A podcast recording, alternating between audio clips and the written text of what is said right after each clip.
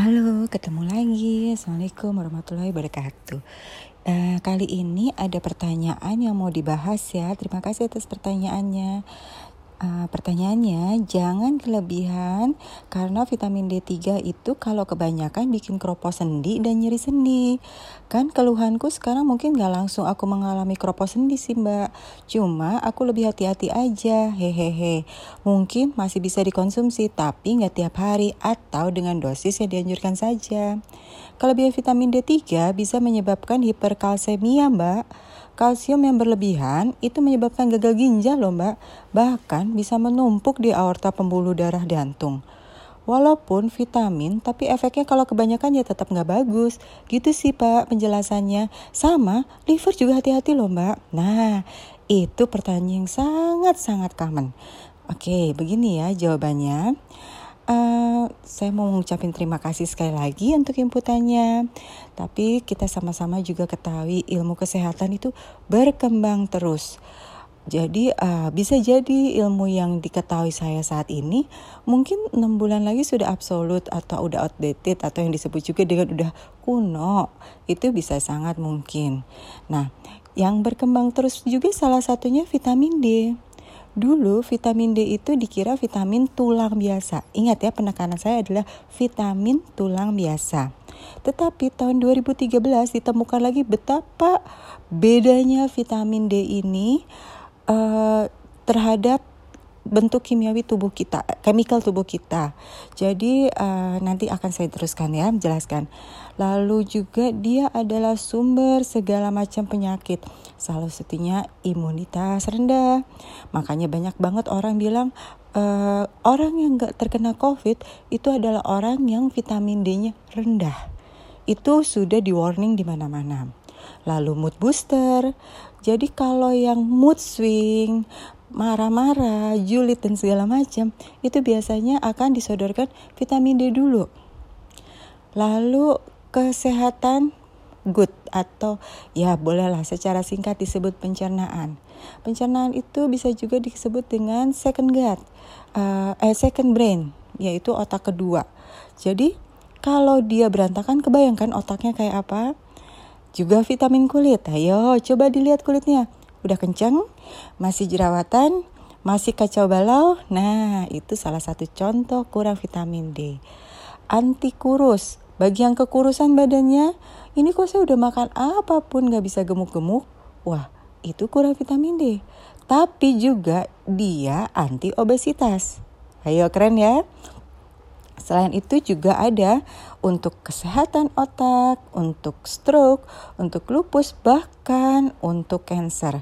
Nah, nanti di uh, caption uh, apa uh, podcast saya ini akan ada saya cantumkan link mengenai vitamin D yang bukan gara-gara saya ngomong tulis dan segala macam tapi beberapa dari jurnal internasional yang saya sadur dalam bentuk video untuk mempermudah eh, teman-teman di sini untuk membacanya. Jadi nggak harus cari-cari jurnal karena jurnal juga kalau dicari kita bukan cuma sembarang cari jurnal saya biasanya cari jurnal di web web medical. Nanti saya akan sebutkan kalau memang ada relatednya dan saya cari yang tahun terbaru. Ya nanti akan saya jelaskan kenapa saya cari tahun terbaru. Jadi uh, ada nanti di captionnya yaitu uh, bitly-nya kumpulan vitamin D3 ya. Lalu saya mundur sedikit ya. Apa sih yang disebut dengan vitamin itu Um, baik, kita mulai. Vitamin itu adalah kalau orang ilmuwan-ilmuwan, bukan saya nih ya, mendefinisikan vitamin itu adalah bahan kimia organik mengandung zat karbon yang harus diperoleh dari sumber makanan. Ingat, harus diperoleh dari sumber makanan karena tidak diproduksi oleh jaringan tubuh.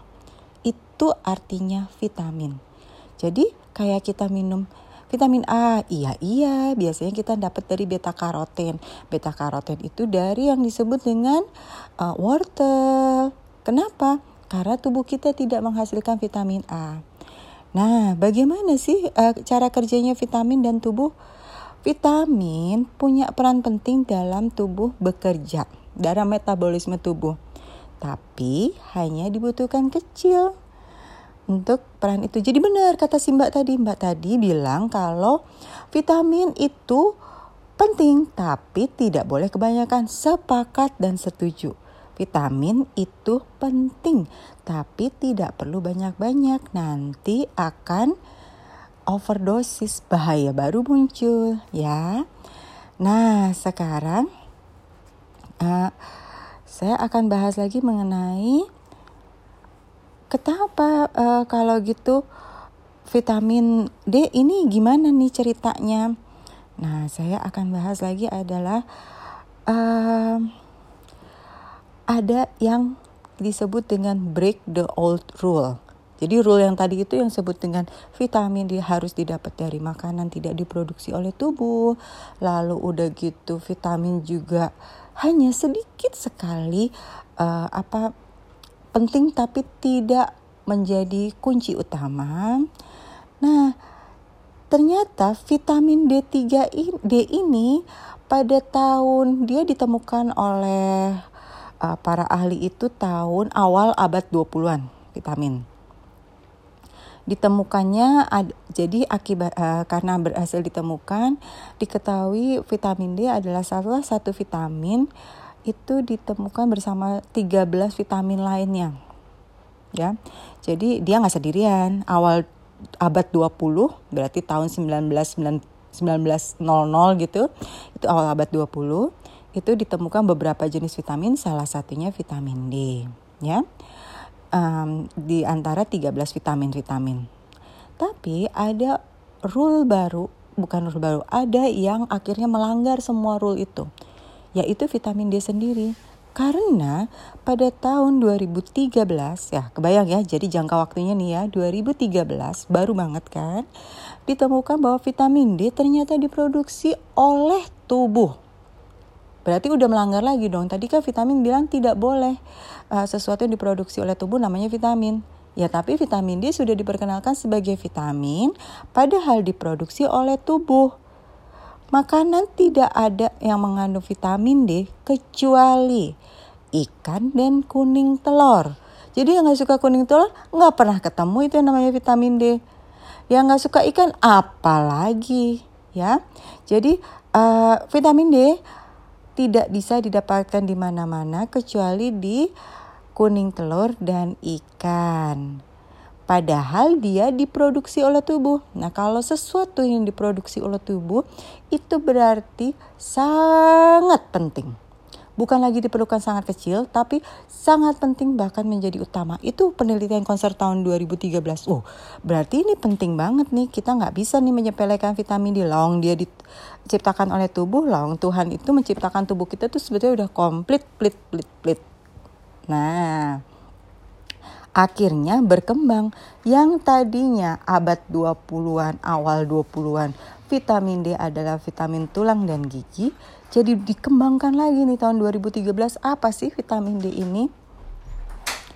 Akhirnya vitamin D selain yang tadi saya sebutkan, saya sebutkan lagi ya kegunaannya selain support kesehatan tulang dan gigi, support kesehatan, kekebalan otak dan sistem saraf. Bayangin kalau ada yang tremor, ada yang uh, susah bergerak, itu defisiensi vitamin D.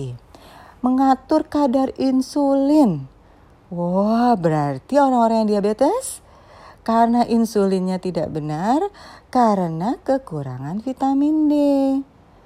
Juga support fungsi paru-paru. Nih, bagian masih hobi merokok atau pasangannya merokok jadi mau nggak mau menghirup fit, uh, menghirup yang uh, apa udara rokok itu fungsi paru-parunya suka dipertanyakan. Lalu kesehatan jantung dan melawan stroke. Iya jelas dong ya. Kalau jantungnya terganggu biasanya berhubungan erat dengan stroke. Nah, ada lagi yang uh, sering menjadi bahan pembahasan yaitu cancer. Karena cancer itu diakibatkan oleh gen yang tidak bagus, itu diakibatkan karena kurang vitamin D. Loh kok bisa? Karena vitamin D di dalam tubuh kita itu bekerja seperti hormon. Bayangkan, seperti hormon. Jadi vitamin D itu hanya salah penamaan, harusnya disebutnya hormon D. Mungkin begitu ya, tapi karena dia memang cara kerjanya seperti hormon. Sedangkan hormon itu apa sih? Hormon itu adalah messenger, messenger pembawa berita dari satu sel ke sel lain. Jadi kebawa, kebayang ya, kalau kita dikasih berita buruk otomatis kitanya jadi buruk ya jadi mentalnya jelek bad mood dan segala macam. Bayangkan diri kita sel. Tapi kalau kita mendapat berita bahagia kitanya jadi bagus kan hari itu? Nah itu sama persis seperti hubungan sel dan hormon. Nah di sini vitamin D bekerja seperti hormon Lalu mengurangi jala pada penyandang autoimun, jelas banget. Kalau autoimun bahkan disuruh sehari 20 ribu, 10 ribu sampai 20 ribu IU. Ya, Lalu mencegah penurunan daya kognitif dan demensia. Ayo yang sudah mulai pikun-pikun, yang sudah mulai nggak bisa mengingat, yang bag atau ibu-ibu yang bilang, duh saya kok sekarang nggak bisa nih belajar pakai remote baru aja bingung nih gimana cara pakainya. Itu kurang vitamin D. Nah ini juga memperbaiki gangguan depresi. Gangguan depresi itu kayak apa sih? yang suka tiba-tiba sedih, yang suka tiba-tiba melo, yang suka tiba-tiba macam-macam deh pokoknya berhubungan dengan kejiwaan. Lalu melindungi infeksi pernafasan atau ISPA. Nah sekarang lagi musim nih, makanya tadi disebutkan kalau COVID itu biasanya menyerang orang-orang yang kurang vitamin D melindung, uh, membantu pertumbuhan perbaikan dan metabolisme sel. Ya jelas. Terutama sel apa yo? Padahal ini ibu-ibu seneng nih. Sel kulit. Jadi orang yang vitamin D-nya cukup, biasanya kulitnya aduhai kencangnya. Benar-benar kencang. Mau umur tua pun kulitnya tetap asik dilihat, tetap enak dipegang, masih kenyal. Itu disebut dengan reverse aging, mencegah penuaan atau mengurangi penuaan. Nah, yang satu juga vitamin D itu menyebabkan inflamasi dalam tubuh. Menyebabkan mikrobiome gut itu menjadi rusak walaupun secara klinis dia sehat. Ingat, secara klinis dicek ke mana-mana, banyak nih orang-orang yang dicek ke mana-mana sehat tapi perut saya kok mah, tapi kok saya perutnya leaky gut, tapi kok saya makan ini nggak bisa, makan itu nggak bisa, keluar alergi, tiba-tiba nafas sesak dan segala macam itu apa sebetulnya disebut dengan disbiosanya gut. Jadi udara atau uh, apa ya? Oh, vibe kita sebutnya lagi happeningnya adalah vibe di dalam pencernaan kita sudah rusak sudah berantakan. Nah, itu juga salah satu karena kekurangan vitamin D. Lalu bagaimana dengan vitamin D terhadap anak-anak? Hati-hati. Anak-anak di masa kecil kekurangan vitamin D itu sangat berpengaruh kepada imunitas dan mood mereka dan cara berpikir mereka karena ingat ya ini adalah vitamin brain juga dan otak mereka juga alergi mereka pada saat mereka sudah besar. Jadi jangan main-main. Ini saya ambil nanti ada yang disebut dari uh, web nature.com. Di situ ada vitamin D connection to pediatric, pediatric itu anak-anak, infection dan immune function. Itu pada saat dia udah besar. Infection dan imunnya kena. Lalu juga dari web Neuroscience News, di situ dikatakan vitamin D deficiency in childhood linked to aggression and mood disorder. Bayangin, saat vitamin D kurang untuk anak-anak, itu berhubungan langsung dengan sifat agresif mereka dan mood disorder mereka. Ibu-ibu yang punya ABG dan mulai merasakan, ini kenapa ya anak saya jadi tukang marah-marah? itu bukan mendadak ibu-ibu sayang. Itu terjadi sejak mereka masih sangat kecil bahkan di dalam kandungan kita sudah terus-terusan kekurangan vitamin D. Akibatnya berhubungan mereka jadi agresif, jadi mood disorder. Itu dikatakan oleh salah satu web penunjangnya Neuroscience News. Lalu ada lagi di web cancernetwork.com Bagaimana kalau vitamin D ini sebagai pencegahan vitamin D sebagai pencegahan kanker, pencegahan kanker terutama untuk usia anak-anak. Jadi pencegahannya kapan? Ya pada saat dia dewasa tentunya. Lalu lagi ada di web NCBI NLM nih Gov The impact of vitamin D deficiency on asthma, allergic rhinitis, and wheezing. Nah, yang anak-anaknya punya asma, kok tiap pagi meler ya, kok keluar air mata ya, kok bersin-bersin ya, itu sudah salah satu tanda ketika kecil kekurangan vitamin D. Lalu ada lagi dari web Premier allergyohio.com. Dietary vitamin D can reduce allergy development. Bayangin, alergi dia saat dewasa yang disalahkan adalah karena kekurangan lagi-lagi vitamin D. Dan ini semua baru ditemukan tahun 2013. Ya. Jadi terbayang betapa lamanya kita mencapai masa itu. Oke deh, banyak yang bilang vitamin D adalah vitamin matahari. Kalau gitu saya mau berjemur aja. Nah, andaikan semudah itu. Karena vitamin D itu penyerapan dalam tubuh dari matahari dipengaruhi oleh usia. Semakin tua usia, semakin sulit dia menyerap vitamin D. Disebabkan juga dari obesitas. Lalu kesehatan gut kita gimana? Kalau gut kita lagi nggak bagus, ya tidak akan pernah kita bisa menyerap vitamin D dengan sempurna. Ada masalahkah di liver dan ginjal? Ada batu ginjal, ada gallbladder. Itu semua adalah hanya karena ada masalah di liver dan ginjal yang juga menjadi faktor kurangnya penyerapan vitamin D. Kekurangan magnesium itu juga pengaruh. Nah, yang di Indonesia harus diperhatikan warna kulit Semakin gelap warna kulit, semakin kita tidak bisa menyerap vitamin D dari matahari. Jadi mau berjemur seharian penuh tidak bisa. Lalu yang faktor luarnya adalah tabir surya, pakaian. Nah suka lihat nggak kalau di Google ah bohong deh kalau nggak pernah lihat uh, berjemur atau sunbathing. Lihat nggak pakaiannya kayak apa? Setipis, uh, bukan setipis, seminimal mungkin bikini lah atau topless lah. Karena apa? Itu pakaian termasuk faktor penghambat matahari kena ke tubuh kita. Lalu tabir surya. Ya, kita berjemur mau tapi takut hitam. Pakai tabir surya sebanyak-banyaknya. Sama aja vitaminnya D-nya mental. Lalu yang di Indonesia ada banget polusi udara. Gimana sih? udah jelas di Indonesia ini tingkat polusinya tinggi.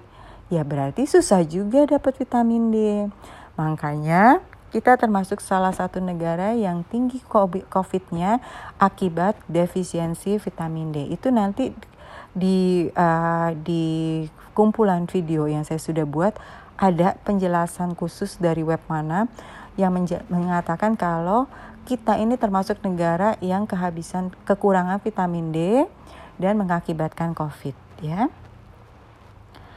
Nah, saya juga mempunyai video hasil saduran dari www.renumahtani.com. Di sana banyak sekali penjelasan mengenai vitamin D. Nah, di situ salah satunya saya bagi menjadi tiga bagian mengenai dosis vitamin D. Jadi, silakan dipelajari itu uh, Zoom terbaru dari Renu Mahtani di mana dijelaskan di sana um, eh di mana itu adalah Zoom terbarunya dan judulnya pun udah langsung keren yaitu bisakah kita keracunan vitamin D nah, toxicity uh, because of vitamin D. Nah, itu ada di sana ya, jadi bisa dilihat. Tapi saya jelaskan secara jelas secara apa ya, general dulu. Vitamin uh, di dalam videonya zoomnya Renu Mahtani yang saya buat itu dibagi menjadi tiga bagian. Bagian pertama, apa saja sih penyebab vitamin D, kekurangan vitamin D? Tadi saya sudah sebutkan ya, apa saja kekurangan vitamin D. Kalau masih uh, kurang jelas bisa dilihat di video itu. Lalu part kedua, dosis vitamin D. Di sana di warning kalau vitamin D ini sudah menjadi pandemik internasional. Kenapa menjadi pandemik internasional atau penyakit internasional? Karena memang dia itu baru diketemukan 2013. Jadi wajar kalau uh, banyak orang kekurangan karena tidak menyadari pentingnya vitamin apostrof D ini. Ingat, vitamin apostrof karena kita udah terlanjur kenalnya vitamin jadi nggak mungkin dong saya sebut hormon ya kan nanti saya di ini lagi dihujat waduh ini gimana sih membawa hal baru nggak jadi vitamin D tetap saya sebut vitamin D walaupun dia sebetulnya bekerja seperti hormon dan diproduksi oleh tubuh kita itu sudah menjadi pandemik internasional. Anak-anak kita sekarang ini atau kita ini sekarang ini tidak pernah waktu kecil mengenal vitamin D. Akibatnya apa? Akibatnya ya kekurangan pada saat dewasa. Nah, yang bagusnya lagi di part 2 video saya itu, saya sampaikan juga grafik. Grafik hubungan antara level vitamin D dengan hubungannya terkena risiko penyakit tertentu. Di situ terlihat semakin tinggi kadar vitamin D, semakin dijauhkan dari penyakit berbahaya. Saya sebutkan macam-macam jenis penyakitnya dan level vitamin D-nya. Tapi Renu Mahatani juga menyadari dia bukan orang Indonesia tapi dia juga menyadari untuk negara-negara berkembang tes vitamin D itu bukanlah murah. Apalagi kantor-kantor mungkin tidak akan dia mau menggantikan tes vitamin D. Karena memang belum dikenal juga ya, dia kurang baca. Ya dia sibuk gimana mau baca. Uh, harganya kurang lebih tuh sekitar antara 400 sampai 500 ribu. Untuk saya sih sangat mahal ya. Jadi hanya untuk cek vitamin D ya kesannya begitu padahal walaupun vitamin D itu sebetulnya banyak sekali gunanya.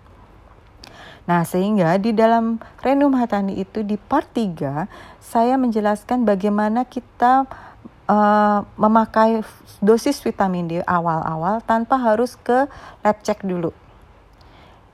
Jadi supaya kita bisa terhindar dari vitamin D.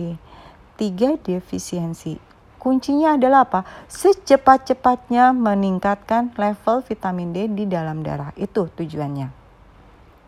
Nah, jadi um, kalau sekarang misalnya vitamin D harus berapa banyak? Nah, itu yang uh, saya suka bilangnya adalah kita naikkan dulu jumlah vitamin D-nya setelah 6 bulan baru kita normal pakai yang biasa saja dosis biasa. Tapi langkah awal adalah menaikkan dosis vitamin D supaya kita tidak terkena penyakit duluan. Nah, sekarang paham ya kenapa terjadi perbedaan pendapat. Kalau di Ken Skincare program LO 123 atau bukan programnya, di sini kami tidak pernah memaksakan harus wajib pakai uh, vitamin ini, vitamin itu tidak. Kami hanya menyampaikan info-info terbaru. Kenapa? Karena ilmu kesehatan selalu berkembang. Sekarang saya kembali ke pertanyaannya Mbak ya, yaitu akan radang sendi dan nyeri sendi kalau over. Baik, kalau gini saya tidak bisa bicara apa-apa selain mempersilahkan Mbak untuk cek lab kadar vitamin D ya. Sebelum melakukan tindakan mengurangi konsumsi tanpa ada solid result, berapakah vitamin D kadarnya di dalam tubuh Mbak? Saran saya sebaiknya tetap konsumsi lalu tes. Ceknya juga cepet kok. Pagi cek, sore udah selesai, udah ada hasilnya. Nah, ketahuan level Mbak ada di mana nih? Level aman kalau berdasarkan part 2 yang tadi saya kasih uh, tabelnya itu adalah di atas angka 60. Karena di situlah kita udah mulai agak-agak menjauh dari vitamin uh, cancer. Tapi begitu stop tidak mengkonsumsi sama sekali vitamin D, itu mungkin level bisa langsung drop ke 20. Ya. Apalagi kalau yang lagi melakukan program pengurangan berat badan. Karena level eh, vitamin D itu disimpan di dalam fat, fat tubuh, lemak tubuh, ya. Lalu ini saya uh, kasih jurnal di nhs.uk.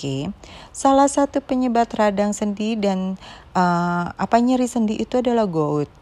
Gout itu adalah penumpukan racun dari liver sama sekali bukan karena vitamin D kebanyakan. Justru yang terjadi karena defisiensi vitamin D. Atau penyebab lain lagi radang dan nyeri sendi itu adalah osteoporosis. Kenapa?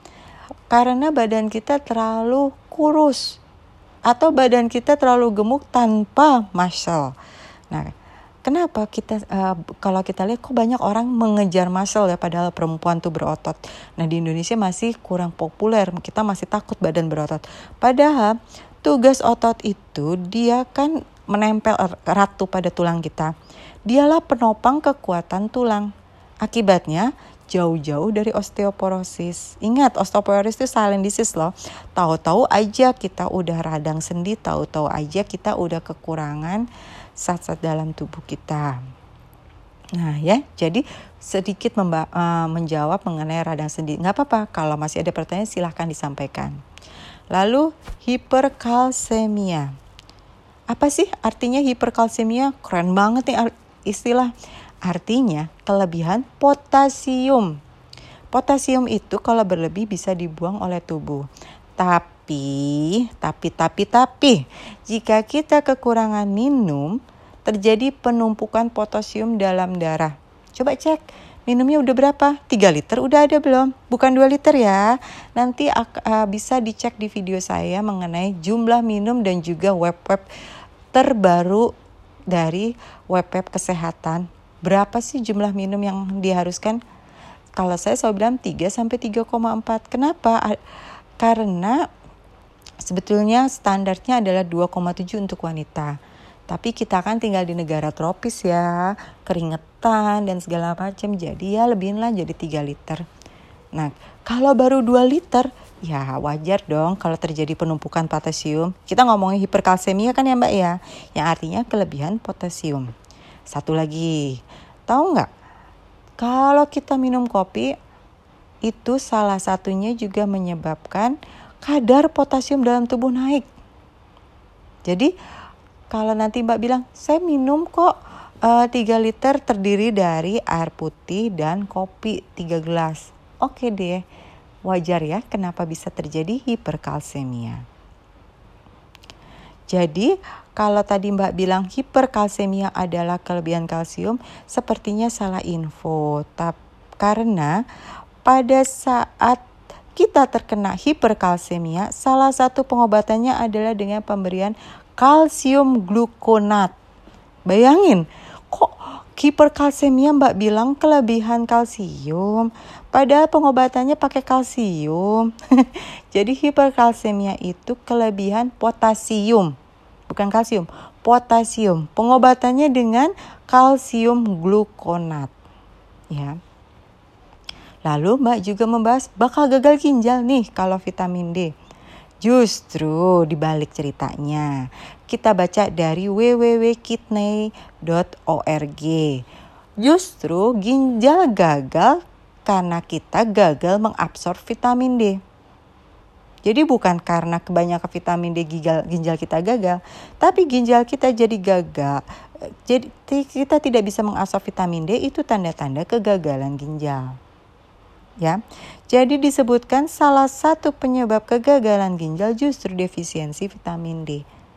Di sana di www.kidney.org, web internasional yang membahas soal uh, kidney, dia sangat menekankan hati-hati kekurangan vitamin D cikal bakal kehabisan kerusakan ginjal.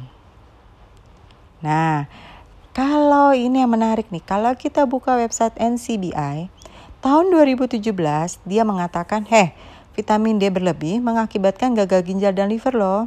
Jadi mbak, saya tidak pernah melihat dari satu web saja, tapi saya membuka banyak web untuk membantu saya memecahkan biochemical tubuh kita. Ya, tahun 2017 ada pen, uh, dikatakan di NCBI kalau vitamin D berlebih mengakibatkan gagal ginjal dan liver. Tapi setelah 2017 itu dia melakukan penelitian sangat banyak, riset sangat banyak. Akibatnya 2019 dia ralat dan dia mengatakan low vitamin D akan menyebabkan kegagalan ginjal dan kegagalan liver. Ya, makanya saya bilang mungkin ilmu Mbak itu bagus tapi sudah kuno. Jadi tolong dicari yang terbaru. Ya, info Mbak itu tidak salah tapi outdated. Nah, saran saya, Mbak silakan cek vitamin D di lab, lalu konsumsi vitamin D sesuka Mbak dosisnya, lalu enam bulan kemudian cek lagi. Apakah yang terjadi? Tolong berbicara berdasarkan hasil lab. Tolong berbicara berdasarkan jurnal-jurnal yang bisa dipercaya. Kalau saya, ini saya ya, sudah melakukan percobaan pada diri sendiri. Saya didiagnosa low vitamin D itu pada tahun ya sekitar 2016-an atau 2015. Ya, ketika itu saya uh, di sini sampai tidak bisa berjalan, sendi-sendi ngilu dan kaku semua. Saya sudah ketakutan pada usia menurut saya masih agak muda saat itu 2015 udah harus pakai kursi roda akhirnya uh, kita sudah ke mana-mana di Jakarta ini sudah ke para dokter-dokter yang uh, hasilnya adalah autoimun lalu kita uh, berangkat ke Singapura untuk dicek karena um, curious ya kita ikhtiar ke sana dan cukup lama saya ingat sekitar sebulan kita bolak-balik ke sana untuk pengecekan dan bukan cuma satu kali berkali-kali. Akibatnya dikatakan saya defisiensi vitamin D. Nah, sejak saat itulah saya juga langsung apa ya kampanye ke mana-mana tentang pentingnya vitamin D.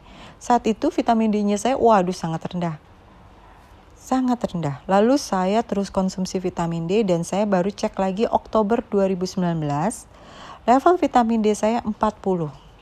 Tapi saya tahu saya punya penyakitan. Penyakitan itu akan cepat sekali mempergunakan vitamin D dalam tubuh saya. Jadi saya tetap minum vitamin D 10.000 IU setiap hari dan uh, tidak sampai setahun kemudian Agustus 2020 saya tes lagi level saya naik menjadi 60. Padahal kalau orang normal mungkin level vitamin D-nya sudah 100. Tapi saya tidak bisa. Susah sekali untuk saya mencapai level segitu karena saya ada penyakit. Penyakitan. Saya dari lahir penyakitan sih memang. Nah, kalau Mbak udah lihat video-video saya yang lainnya akan paham 10.000 IU itu hanya untuk percepatan awal selama 6 bulan. Lalu setelah itu kalau udah normal ya udah boleh dong pakai 5000 2000 bebas. Tapi kalau ad, seperti saya ada autoimun atau ada diabetes, kolesterol, sakit liver, obesitas bahkan terlalu kurus, muka masih berantakan, pikir-pikir dulu sebelum mengurangi dosisnya ya. Nah, sebagai penutup, jika Mbak memiliki jurnal media terbaru yang mendukung teori Mbak, tolong saya diupdate ya Mbak, karena dengan senang hati juga saya akan mengupdate info saya. Saya pahami para dokter itu sibuk banget, apalagi zaman pandemi ini. Kasihan mereka kalau disuruh update ilmu dengan membaca jurnal-jurnal yang banyak itu dan pastinya bukan bahasa Indonesia. Jadi ada kendala lagi di situ. Kalau di luar negeri itu ada cabang ilmu pengetahuan disebut dengan biochem. Nah, dia mereka lah para biochem itu yang membisiki para dokter kalau ilmu mereka sudah outdated. Sayangnya di sini nggak ada. Jadi ya di sini kita benar-benar uh, ber apa ya berpegang teguh kepada para dokter yang sayangnya kali ini para dokter semua lagi disibukkan terutama zaman pandemi covid ini mereka super sibuk untuk untuk suruh baca satu aja mungkin udah ketiduran capek dong mereka nah jadi tugas kami di sini hanya apa hanya menggantikan tugas para-para biochem yang tidak ada di sini. Ya. Jadi, sebelumnya yuk kalau ke mahal periksa dulu. Muka masih berantakan? Masih ada jerawat? Masih uh, kurang kencang? Badan masih kacau balau? Uh, mah dan segala macam? Kemudian julid dan baper, saya jamin Anda kurang vitamin D. Ya, sekian dulu. Kalau ada pertanyaan lanjutan, saya tunggu ya. Sehat selalu.